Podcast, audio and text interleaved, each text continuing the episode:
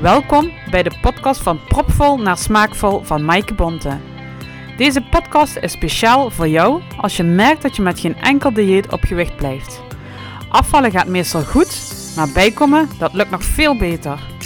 Ik neem je mee met mijn eigen ervaring in de eeuwige strijd tegen die verdomde kilo's en emotie eten. Hierbij deel ik wekelijks inspiratie om te ontdekken wat jouw werkelijke behoefte achter dat eten is. Luister je mee?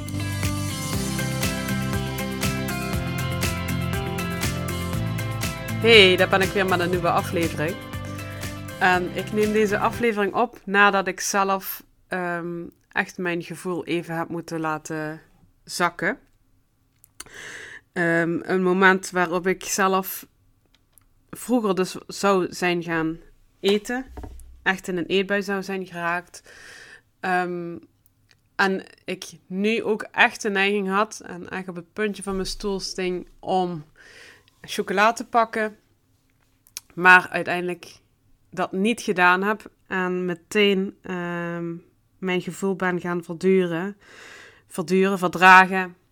Dat is een term die ik uh, vaker gebruik bij emotie te de baas. Um, dat is om het vervelende gevoel echt eventjes aan te gaan. En dat is even een naar gevoel. En dat, uh, dat gevoel dat wil je heel snel wegeten met eten. En dat is dan de strategie. Um, maar ik heb dan geleerd om dat niet meer te doen en dat gevoel te gaan verduren. Maar eerlijkheidshalve is dat bij mij ook nog wel eens uh, lastig. En de laatste tijd is dat wat meer naar boven gekomen, omdat ik zelf besefte dat PowerSlam, het product waar ik mee werk, dat dat misschien niet helemaal meer bij mij zou passen. Um, ik werk nu natuurlijk veel uh, met cliënten rondom emotie eten en verleidingseten. En dat vind ik heel leuk om te doen en daar wil ik ook helemaal voor gaan. Daar sta ik achter. En ik merk dat PowerSlam toch een alles of niets kan uitlokken. Um, doordat je toch met een strenge fase begint. En als je dan um, daar gevoelig voor bent en, ook de strategie hebt om emoties weg te gaan eten, kan dat juist ook weer uh, extra getriggerd worden uh, door dat strengere. Um, ja, lijnen wil ik het niet noemen, want dat is Powerslam eigenlijk niet. Dus toch een andere eetstijl. Um, maar dus wel dat je toch wel wat dingen moet gaan aanpassen en ook wel wat dingen niet mag, et cetera. En daardoor um, dat je niet meer echt gaat kiezen vanuit jouw eigen, wat, jou, wat jij wilt. En dat is met een emotie eten wel een gevaar, omdat je dan niet meer luistert naar je lichaam, maar dan uh, vooral kijkt van wat je wel en niet mag. En dan, dat lokt dan een alles of niets modus uit. En dat wil ik dus niet meer. Ik uh, wil me dus echt gaan richten op mensen die last hebben van emotie eten. En daardoor heb ik de knop of de knoop doorgehakt en ga ik mensen niet meer met powerslam begeleiden, maar alleen nog maar uh, begeleiden bij het emotie eten. Dus die knoop heb ik doorgehakt, maar dat is echt een mega uh, knoop voor mij geweest. Een uh, behoorlijk heftige beslissing. Omdat dat toch, ik heb zeven jaar met Powerslam gewerkt um, en ik sta ook nog steeds achter het product het product werkt. Het is uh, een heel fijn programma waar je goed mee kan afvallen, waar je geen honger hebt en waar je ook gewoon echt leert om anders te gaan eten. En door die gewichtsbouwfase ook echt nog een jaar begeleiding als je op gewicht bent, daar sta ik gewoon echt wel achter.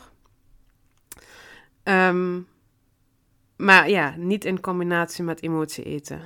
En dat maakt het wel heel moeilijk, omdat ik wel achter het product sta, maar niet in deze context. Dus daardoor ja, heb ik toch een beetje het gevoel dat ik mijn kindje ga loslaten eigenlijk. Waar ik ooit mee begonnen ben natuurlijk, zeven jaar, ja, bijna acht jaar geleden. En uh, dat ga ik dus nu loslaten. Um, en dat is toch wel een hele stap. En dat heeft uh, de afgelopen maanden toch wel wat uh, gezorgd voor emoties bij mijzelf. Dus een, echt wel een emotionele rollercoaster kan ik het eigenlijk wel noemen. Dat ik echt van, ehm, ja, van heel euforisch bijna naar ook wel echt diepe dalen ging. Dat ik echt wel uh, veel angst voelde en dat ik um, als iets niet lukte, dat ik dacht van ja, dat is toch niet de goede beslissing. En elke keer weer terug wilde naar uh, hoe het was. Want dat is ook wat het brein wil. Hè? En we willen niet uit uh, onze comfortzone. Dus je, je brein uh, je beschermt je dan. En dat is dan toch eigenlijk de interne criticus die dan zegt van ja, moet je niet doen, want dan loop je gevaar. En gevaar, daar willen we van vluchten. Dat is wat het brein gewoon doet. Dus daar moet je dan doorheen. Dus dat zorgt echt wel voor wat uh, extra emoties. Dus ik heb uh, de afgelopen maanden ook wel weer veel uh, zelf ervaren in emoties. En ik dacht dus dan dat ik inderdaad daar helemaal weer doorheen was. Maar als er dan weer iets nieuws komt, dan moet ik daar zelf ook weer even aan de bak. En um, gelukkig, door mijn achtergrond en mijn bagage nu, en dat ik weet dat het ook weer over kan gaan, um, lukt me dat nu ook weer. Um, maar dat wil niet zeggen dat het makkelijk is. Um, die vervelende gevoelens, die zijn er. En die moet je dan toch weer even uh, aangaan en doorheen. En dat is die situatie wat ik dus inderdaad ook had. en dat had in feite niet, niet echt met deze beslissing te maken. Uh, de situatie was dat ik eigenlijk een hele dag volgepland had met klanten. En dus eigenlijk maar een half uurtje lunchpauze ertussen had. Maar dat ik uh, uh, gisteravond het eerste appje kreeg dat uh, een afspraak niet doorging. En vanochtend ook nog eentje. En toen ik net klaar zat voor ook een videocall, um, toen bleek dat diegene het vergeten was. Um, ja, en dan gebeurt er wel iets met mij. Want dan denk ik van ja, uh, ben ik dan niet belangrijk genoeg?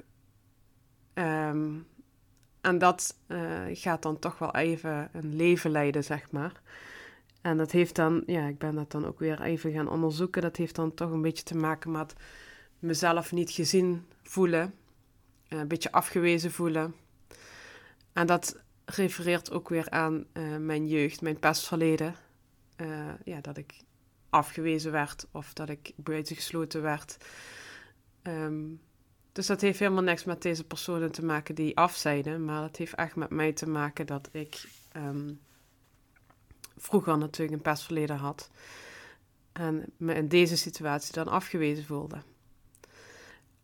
Um, dus ja, dat, dat kwam heel erg in me op. En toen ben ik uh, meteen de audio erbij gaan pakken van Verduren. Want afspraak was toch afgezegd, dus ik had een uur ertussen. Um, dus ben gelijk uh, gaan verduren. En uh, ja, tot huilens toe. Dus dat ik echt eventjes, um, eventjes mijn gevoelens naar boven liet komen. Maar dat is wel heel erg leuk. Die audio is ingesproken door Judith uh, van Emotie bij zelf. En dat is wel leuk dat ze dan op een gegeven moment ook zegt van ja, het gaat... Uh, het is een berg en het gaat omhoog en het, uh, um, het gaat ook alweer weg appen. En precies op dat moment dat zij dat zegt, appt het ook gewoon weg. En ik denk dat dat ergste gevoel ook echt maar een minuut was.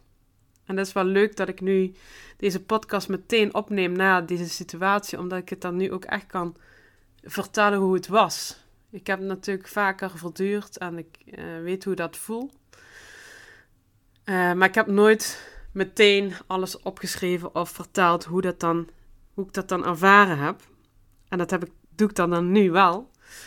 Dus dat zie ik nu dan ook wel als een, uh, als een voordeel dat ik dat nu dus gewoon met jou aan delen ben. Dat ik hoe dat dan verliep. Want ik kreeg dat gevoel van, uh, ik wil nu chocola. Ik heb meteen die audio erbij gepakt. Ik ben in een gemakkelijkere stoel gaan zetten. En um, ik heb dus, zoals Judith ook zei, van, ik heb even mijn blik naar onder geworpen. Dus uh, in het luchtledige, zeg maar. En toen ben ik gaan voelen. En toen ja, werd het even heel, heel hevig. Dat, echt even, dat ik het gevoel had dat mijn borstkas echt helemaal in elkaar werd geknepen. Dat ik, um, net alsof een riem mij aantrok. Dus dat werd even heel hevig. Uh, toen kwamen ook de tranen. Maar ja, dat is denk ik echt maar een minuutje geweest. Want die audio duurt vijf, vijf of zes minuten. En ik heb uh, echt maar, denk ik, een vijfde van die audio heb ik maar uh, echt, echt me niet fijn gevoeld. Dus het app dan ook alweer helemaal snel weg. Het is echt een, een berg waar je even op gaat. Maar die berg, er komt ook weer een daling in. En die daling wordt dan ook wel vrij snel weer ingezet. Dus het appt gewoon ook weg, dat gevoel. Dus dat verduren, dat helpt gewoon wel echt bij het emotie eten. En ik heb dus niet gegeten. En uh, ik ben dat gevoel even aangegaan. En nu het dan ook voorbij is, denk ik van ja, ja, het was even vervelend. Maar ja, het was ook echt maar heel kort. En ik voel me nu toch echt wel een stukje beter. En ik voel me nog niet top, want dat is toch een situatie die even wat heeft geraakt bij mij. Um, maar dat is ook zo leuk dat, ja, dat, dat zegt Judith dan ook in die audio. Je hoeft je ook niet meteen top te gaan voelen. Het is oké. Het mag er ook zijn. Die emotie mag er ook zijn. En um, ja, zo heb ik dat, uh, ja, zo ervaar ik dat ook. Dus ja, dat emotie eten, um, die nare gevoelens weer even laten opkomen. Het, het kan echt maar heel kort zijn. Um, maar het punt is vaak dat we die emotie niet aan willen gaan. Dus dat we het, het liever gaan wegeten. Of dat we ons niet de tijd nemen om dat te gaan verduren. Maar uiteindelijk levert je het je zoveel op. Je hebt niet die extra calorieën gegeten. Je bent waarschijnlijk trots op jezelf dat je dus niet bent gaan eten. Je hebt ervaren dat dat gevoel eigenlijk maar heel kort is. En dat het wel vervelend was, maar dat het eigenlijk ook heel snel weg hebt. En dat het oké is, zoals het er is. En het mooie is, als je die gevoelens weer laat spreken, dat je ook weer de positieve kant er meer van kunt gaan zien. En dat je ook weer de positieve gevoelens meer gaat voelen. Want dat is het ook. Je gaat ook vaak je positieve emoties wegeten. Dat is natuurlijk hartstikke jammer. Een gevoel van blijdschap komt dan ook niet meer goed door. En dat is, dat is gewoon heel jammer. Dan ga je eigenlijk je emoties afvlakken door het eten. En dat afvlakken, dat is gewoon iets wat je het liefste weg wil hebben. Dat je niet maar de hele dag met eten bezig bent, maar ook gewoon alle emoties kunt voelen. Want emoties zijn er de hele dag om ons heen, zowel van onszelf als van anderen. En dat is ook iets wat uh, het soms wat lastig maakt. Anderen hebben ook emoties en je bent heel vaak toch met anderen in contact. Of van een collega, of van een klant, um, of van een vriendin, of van ouders, partner. En onbewust neem je vaak emoties over van de ander. En dan doet dat ook iets met jou. En dan weet je het soms niet helemaal te plaatsen. En dat uh, brengt ook weer uh, ja, onrustige gevoelens met zich mee, waardoor ook heel vaak gegeten wordt. En emotieeters zijn vaak ook mensen die uh, heel gevoelig zijn. Dus die um, echt gevoelsmensen zijn. En die voelen vaak ook veel sneller de ander aan. En dat is echt een kwaliteit. Dat is een hele mooie kwaliteit. Wat als valkuil heeft, dat je dus die emoties van een ander gaat oppikken. En dat je die dus ook gaat voelen. En dat is eigenlijk niet je eigen emotie. Dus dan ga je misschien de situatie overdenken van ja, hoe, komt het dat ik me nu niet fijn voel? En dan kom je er niet helemaal uit. Maar dan is het een emotie van een ander. Dat kan. Dus ja, dit wilde ik even met je delen. Dus um, het stukje emotie eten en het verduren, het verdragen, wat heel belangrijk is en wat heel vaak uit de weg wordt gegaan. En misschien schrik je er zelfs een beetje van, van ja, uh, maar wat, wat moet ik nu gaan doen als ik emotie, als ik daar last van heb. Maar ja, het is wel een echt de effectiefste methode. En zoals ik al zei, het is ook maar heel kort. En uh, je wordt er ook steeds bedrevener in. Um, je hebt het ook veel sneller door.